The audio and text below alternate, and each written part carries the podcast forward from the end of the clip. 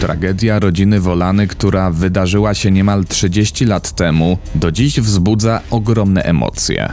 Wciąż nie wiadomo, co stało się z Barbarą i czworgiem jej dzieci Arkadiuszem, Iloną, Sebastianem i Angeliką.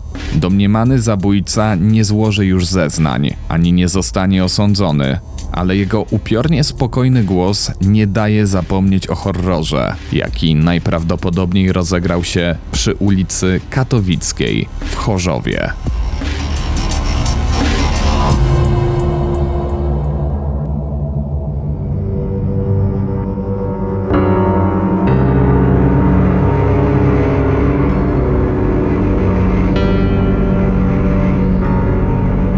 Opowiem Ci historię. Kamil Barnowski.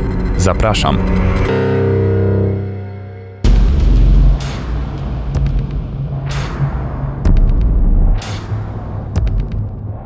10 listopada 1961 roku Rosalia i Władysław doczekali się córki Basi.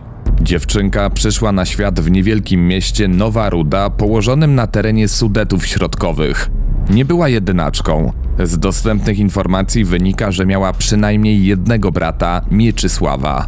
Kiedy dorosła, postanowiła porzucić rodzinne strony i wyruszyła do dawnego województwa katowickiego, a konkretnie Chorzowa. Nie wiadomo, co skłoniło Barbarę do wyjazdu na Śląsk. W tym typowo przemysłowym mieście zapewne mogła znaleźć zatrudnienie, ale charakter młodej kobiety kłócił się z codzienną ciężką pracą. Dwudziestolatka lubiła beztroskie życie, obfitujące w imprezy i nieodłącznie towarzyszący im alkohol. Podobno fascynowała się kulturą hipisowską, natomiast pieniądze zdobywała dokonując kradzieży. Zbuntowana Barbara była dobrze znana sędziom z drugiego Wydziału Karnego Sądu Rejonowego w Chorzowie. Przestępstwa doprowadziły ją nawet na krótki czas za kraty. Rodzina i znajomi twierdzili, że kobieta nie miała łatwego charakteru. Była kłótliwa, a nawet agresywna. Harda osobowość kryła się w wyjątkowo drobnym ciele. Jeśli wierzyć doniesieniom Trybuny Śląskiej, Barbara mierzyła niecałe 150 centymetrów. Szczupła i ładna farbowana blondynka zwracała na siebie uwagę mężczyzn. W końcu na jednej z zakrapianych posiadówek poznała Janusza, z którym szybko zaszła w ciążę. Mężczyzna nie uciekł od odpowiedzialności i postanowił wspólnie z ukochaną podjąć trud wychowania potomka. Ślub pary odbył się wiosną 1988 roku a już 13 czerwca urodził się pierworodny syn Barbary, Arkadiusz. Małżeństwo trwało niestety bardzo krótko. Już rok później Janusz wypadł przez okno i nie udało się go uratować. Jedne źródła podają, że był to po prostu nieszczęśliwy wypadek, a inne mówią o samobójstwie. Mężczyznę pochowano na cmentarzu parafii świętej Jadwigi Śląskiej przy ulicy Drzymały w Chorzowie. Wbrew pozorom, 28-letnia wdowa nie wpadła w długotrwałą rozpacz ani nie zmieniła trybu życia. Choć na świecie był już maleńki syn, nie stroniła od imprez obficie zakrapianych alkoholem. Historia się powtórzyła. Na którymś ze spotkań przy kieliszku poznała przyszłego męża. Ryszard Wolany urodził się dwa lata wcześniej od swojej wybranki. W przeciwieństwie do niej był wysoki i dobrze zbudowany. Nosił wąsy i nie rozstawał się z przyciemnianymi okularami w grubych brązowych oprawkach. Jego klatkę piersiową zdobiły tatuaże, które dopełniały wizerunek lokalnego twardziela. Ryszard, podobnie jak Barbara, miał trudną przeszłość. Kilka razy odsiadywał kary za udział w kradzieżach, co nie powstrzymywało go od dalszych włamań. Podobno przestępstw dokonywał również z atrakcyjną wdową. Rosły mężczyzna miał jednak też drugą, delikatną stronę natury. Od razu zaakceptował maleńkiego Arkadiusza i zajmował się nim z dużą troską. Szybko też zaczął spodziewać się kolejnego dziecka, bo Barbara zaszła w ciążę jeszcze w tym samym roku. Para wkrótce wzięła ślub, a w marcu 1990 roku powitała na świecie córkę Ilonę. Dwa lata później urodził się Sebastian, natomiast w kwietniu 1993 roku Angelika, ostatnie dziecko państwa Wolany.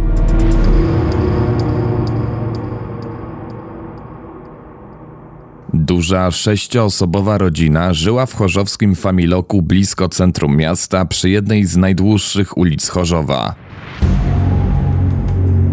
Pod adresem Katowicka 75 do dziś stoi stara zabytkowa kamienica z efektownym wykuszem. Państwo Wolany zajmowali w niej dwupokojowy lokal komunalny usytuowany na drugim piętrze budynku. Mieszkanie było urządzone skromnie, jednak nie brakowało w nim niezbędnych mebli ani telewizora czy magnetofonu. Barbara zajmowała się licznym potomstwem, ale nie zaprzątała sobie zbytnio głowy utrzymaniem porządku. O czystość dbał Ryszard, który wiele wybaczał ukochanej kobiecie. Jego żona nie tylko nie zmieniła się pod wpływem macierzyństwa, ale regularnie wpadała w kilkudniowe ciągi alkoholowe, w których trakcie znikała z domu. Czworgiem dzieci zajmował się wtedy Wolany z pomocą teściowej i szwagierki. Zdaniem sąsiadów Ryszard wywiązywał się ze swoich obowiązków wzorowo. Również nauczycielki z przedszkola, do którego uczęszczali Arek i Ilona, twierdziły, że dzieci nigdy nie chodziły głodne, były grzeczne i zadbane. Pomimo nałogu, który wyniszczał rodziców, nikt z mieszkańców kamienicy nie słyszał awantur. Środki na utrzymanie licznej gromadki częściowo zapewniali podatnicy. Każdego miesiąca małżeństwo Wolany stawiało się w Miejskim Ośrodku Pomocy Społecznej w Chorzowie, żeby odebrać należne świadczenia. Wypłacana suma była oczywiście niewielka i nie mogła zaspokoić wszystkich potrzeb wielodzietnej rodziny. Barbara nie pracowała, bo pomiędzy ciągami alkoholowymi każdego dnia zajmowała się dwojgiem najmłodszych dzieci, które nie uczęszczały do żłobka. O pieniądze musiał starać się Ryszard i robił to w niekoniecznie uczciwy sposób. W końcu znów został przyłapany na kradzieży i kolejny raz w swojej karierze trafił za kratki. Z więzienia wyszedł w czerwcu 1993 roku, czyli około 6 miesięcy przed tragedią. Mogło się wydawać, że resocjalizacja wreszcie przyniosła oczekiwany efekt, bo Wolany zaskakująco szybko znalazł legalne zajęcie. Zatrudnił się na stanowisku portiera w chorzowskim przedsiębiorstwie produkcji chemicznej Prodryn, które do tej pory funkcjonuje przy ulicy Długiej. Na gruncie zawodowym Ryszard wychodził na prostą, za to nad jego małżeństwem niestety zbierały się czarne chmury. Mężczyzna był przekonany, że Barbara go zdradza. W relatywnie spokojnym domu rozpoczęły się kłótnie i awantury. Zdarzało się nawet, że zazdrosny mąż w chwili ataku szału został nocą zabrany do szpitala. Nauk, przytłoczenie obowiązkami i poczucie krzywdy zaczęły wyrządzać w jego życiu potworne spustoszenie. Ryszard w chwilach wzburzenia mówił nawet sąsiadom, że pozabija wszystkich domowników. Nikt jednak nie traktował go poważnie. Mieszkająca na parterze kobieta powtarzała mu, że przecież złapie go policja. Mężczyzna zawsze odpowiadał: Nie zdąży.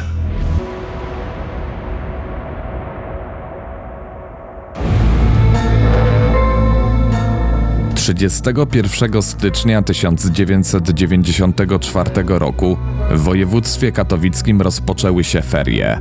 Zamknięto również przedszkola, dlatego w domu Wolanych pozostawała już cała czwórka dzieci. Pięcio i półletni Arek, czteroletnia Ilona, dwuletni Sebastian i dziewięciomiesięczna Angelika. Małżeństwa nie było stać na wyjazd w góry, więc ich pociechy musiały zadowolić się zabawą na podwórku. We wtorek 8 lutego 32-letnia Barbara zjawiła się w przychodni stomatologicznej przy ulicy Zjednoczenia 3, żeby usunąć siódemkę. To był ostatni raz, kiedy ją widziano. Kolejnego dnia, czyli we środę 9 lutego 1994 roku, Ryszard Wolany przyszedł do działu kadr przedsiębiorstwa Prodryn. Złożył dyspozycję, która uprawniała jego matkę do odbioru ewentualnego odszkodowania z polisy ubezpieczeniowej PZU. Po zakończeniu zmiany udał się do siostry i opowiedział jej o nieszczęściu, jakiego spotkało. Barbara miała się mu przyznać, że biologicznym ojcem Arkadiusza nie był jej zmarły mąż Janusz, ale niejaki Krzysiek, z którym odnowiła romans.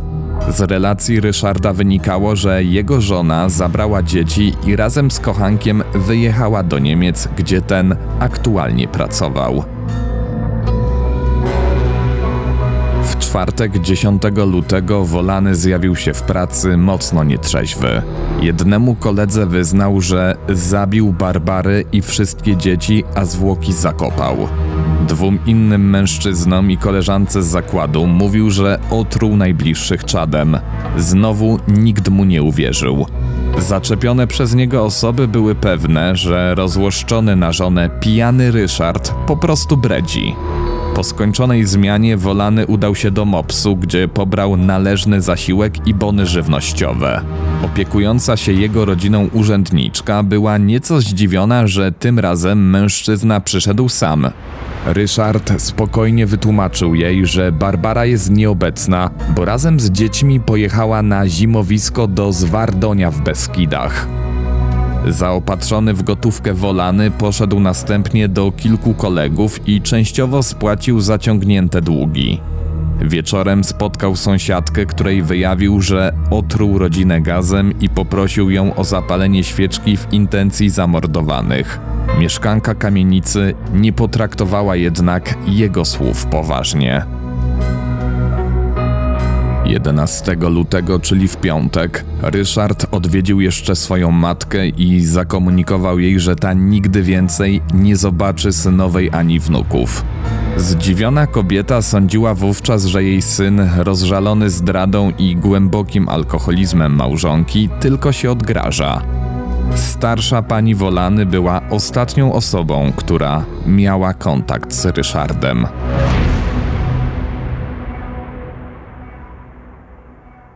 18 lutego pracownica socjalna, która rozmawiała ze swoim podopiecznym o wyjeździe na zimowisko, zaczęła się mocno niepokoić. Ferie się skończyły, a dwoje najstarszych dzieci nie wróciło do przedszkola. Od wielu dni nikt nie widział też Barbary, Sebastiana i Angeliki, a Ryszard nie pojawiał się w pracy. Urzędniczka zgłosiła swoje obawy, co doprowadziło funkcjonariuszy z drugiego komisariatu Komendy Rejonowej Policji w Chorzowie do kamienicy przy ulicy Katowickiej. Drzwi do mieszkania pozostawały zamknięte.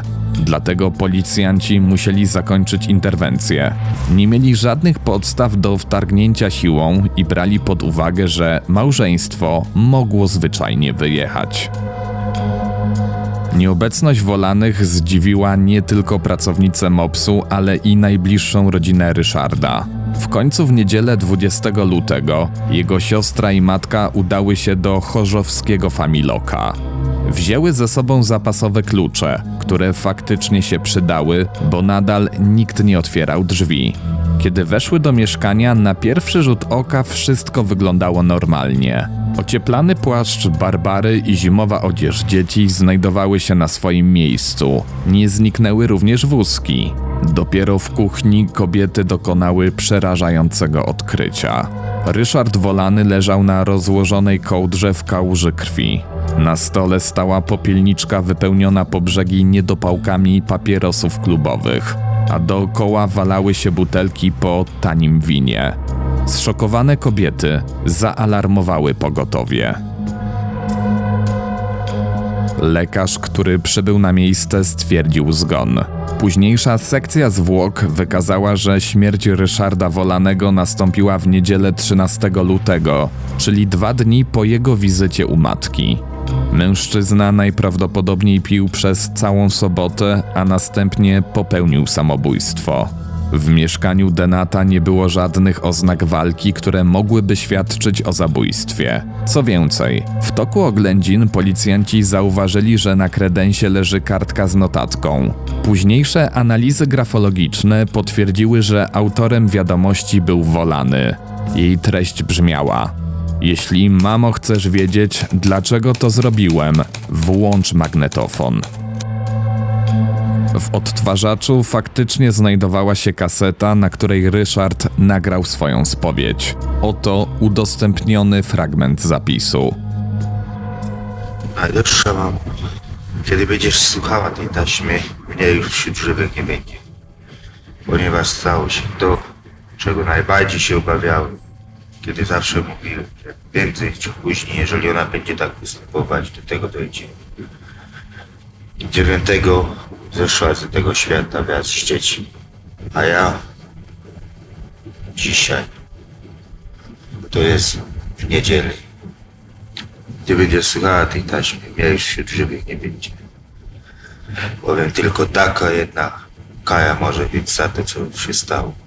Nie opłakujcie mnie, bo nie ma sensu. Takich jak ja to się nie opłakuje. Oni leżą gdzieś na cmentarzu. Tutaj, gdzie ja, ale gdzie tylko ja wiem. Cóż więcej ci mogę powiedzieć?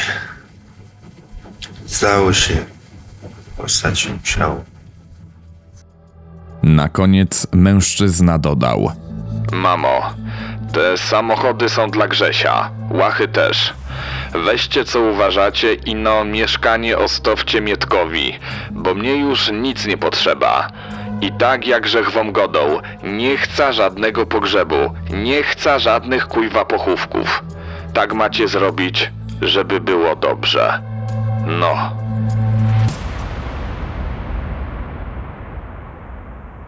Samochody, o których powiedział Wolany, nie były prawdziwymi pojazdami, ale miniaturowymi modelami.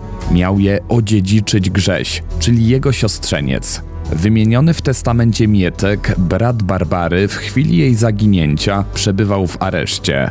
Nie zmienia to faktu, że nawet po wyjściu na wolność nie miał szans na wprowadzenie się do mieszkania przy Katowickiej, bo było ono własnością miasta. Rodzina Denata i ekspertyza fonograficzna potwierdzały, że głos na nagraniu należał do Ryszarda. Samobójca w bardzo charakterystyczny sposób wymawiał R jako J. Psycholog, który przesłuchiwał kasetę, orzekł, że wolany brzmiał wiarygodnie i najprawdopodobniej faktycznie zabił rodzinę. Już kolejnego dnia po odnalezieniu zwłok na pierwszej stronie lokalnej prasy ukazał się artykuł zatytułowany Testament zaświatów. Cytowany w nim komendant policji w Chorzowie stwierdził: Myślę, że powiedział prawdę, ale dopóki nie znajdziemy zwłok, mężczyzna nie będzie uznany za zabójcę. Mamy jeszcze nadzieję, że znajdziemy ich żywych. Niestety, z każdą upływającą dobą prawdopodobieństwo, że żona i dzieci Ryszarda żyją, drastycznie malało. 21 lutego 1994 roku prokurator rejonowy w Chorzowie wszczął śledztwo w sprawie doprowadzenia do samobójstwa Ryszarda Wolanego. To jest o przestępstwo z artykułu 151 kodeksu karnego.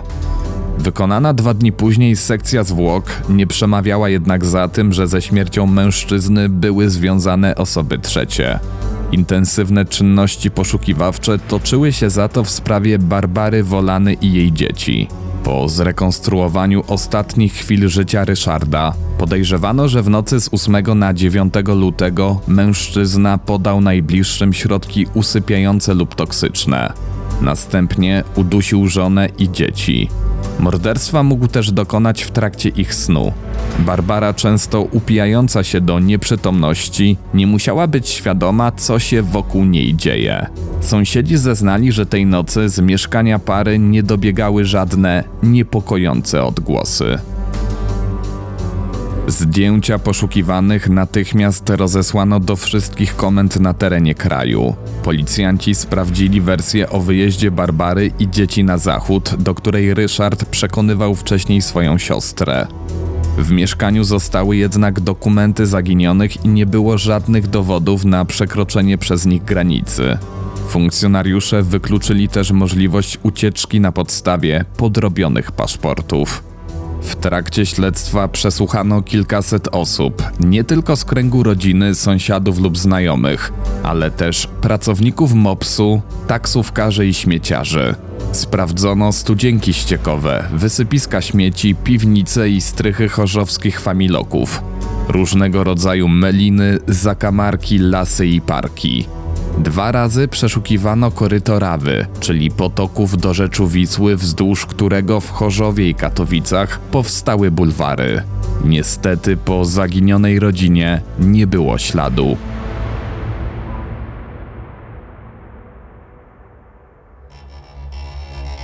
Pamiętając o słowach Ryszarda, jeszcze w dniu ujawnienia zwłok, funkcjonariusze zjawili się na lokalnych cmentarzach. Szczególną uwagę poświęcili nekropolii przy ulicy Drzymały, która znajduje się zaledwie 10 minut drogi na piechotę od kamienicy przy ulicy Katowickiej 75.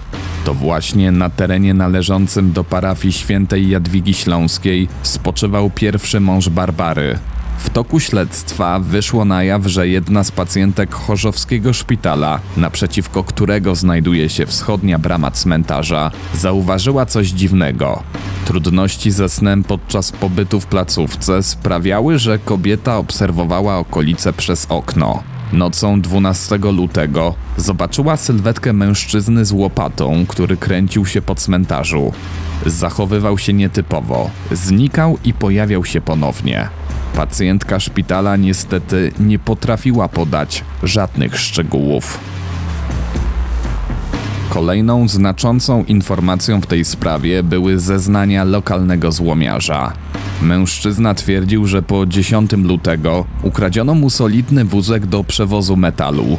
Istniała szansa, że złodziejem był Ryszard Wolany, bardzo niska kobieta i małe dzieci nie ważyły dużo, ale z pewnością nie udałoby się przetransportować ich ciał jednorazowo.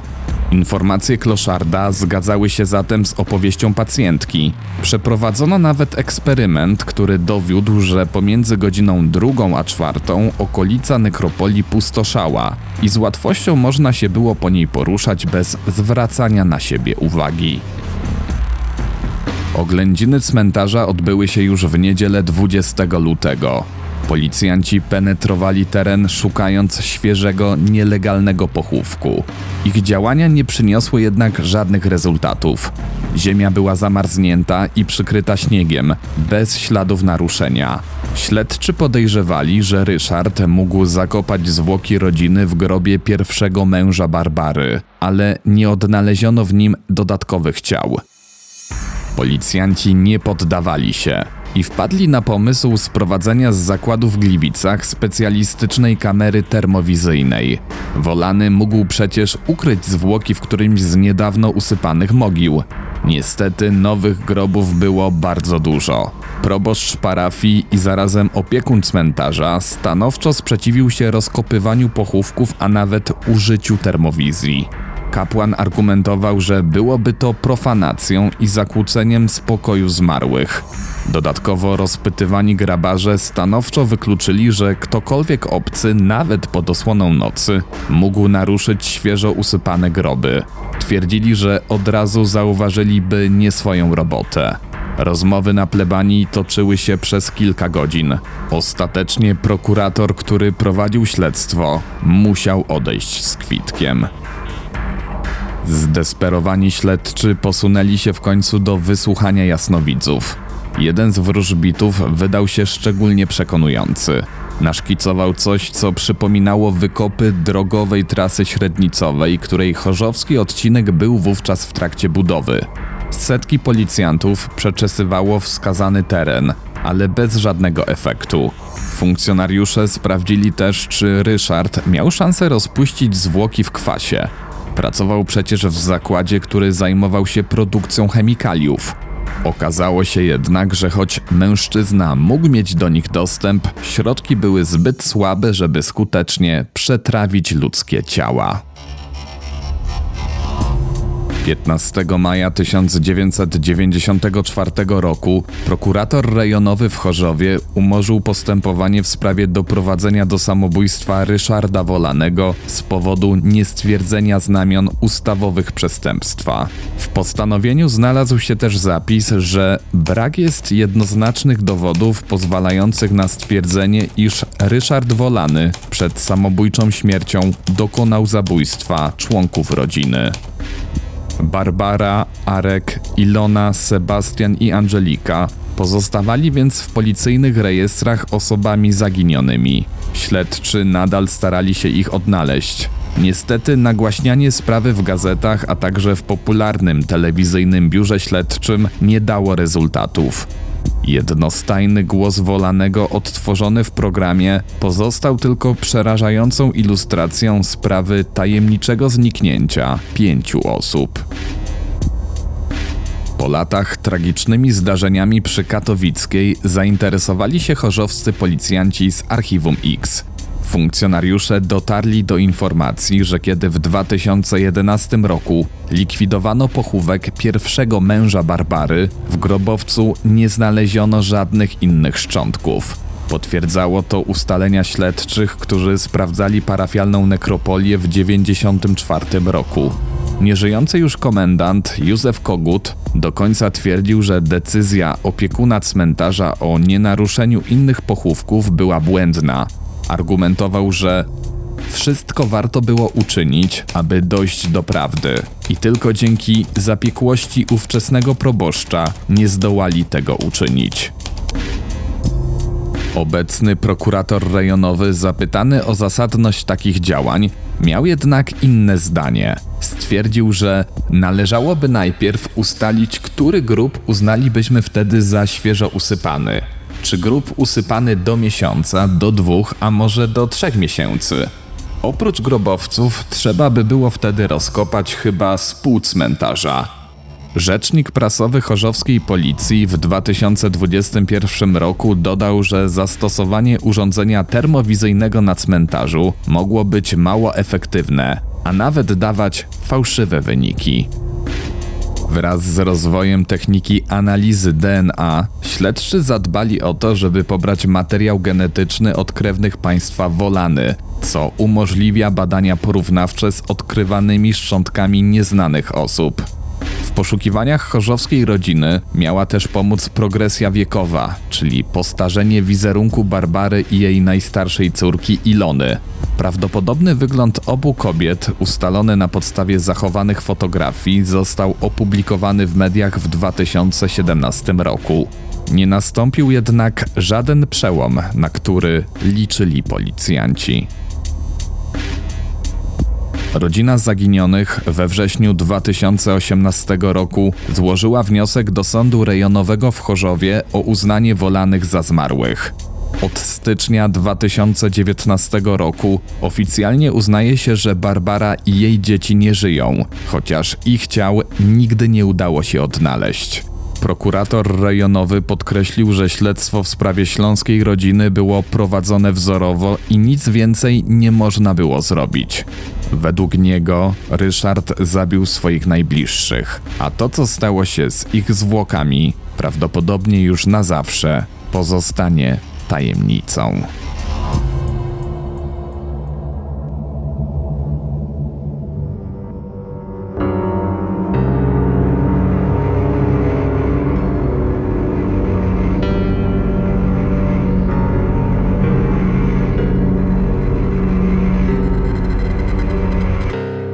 Jeśli zainteresował Was ten materiał, pamiętajcie proszę o subskrypcji. Wtedy na pewno nie przegapicie kolejnych filmów na kanale. Zapraszam Was również do grupy dyskusyjnej na Facebooku o nazwie Opowiadacze Historii. Tam publikowane są dodatkowe materiały na temat poruszanych spraw.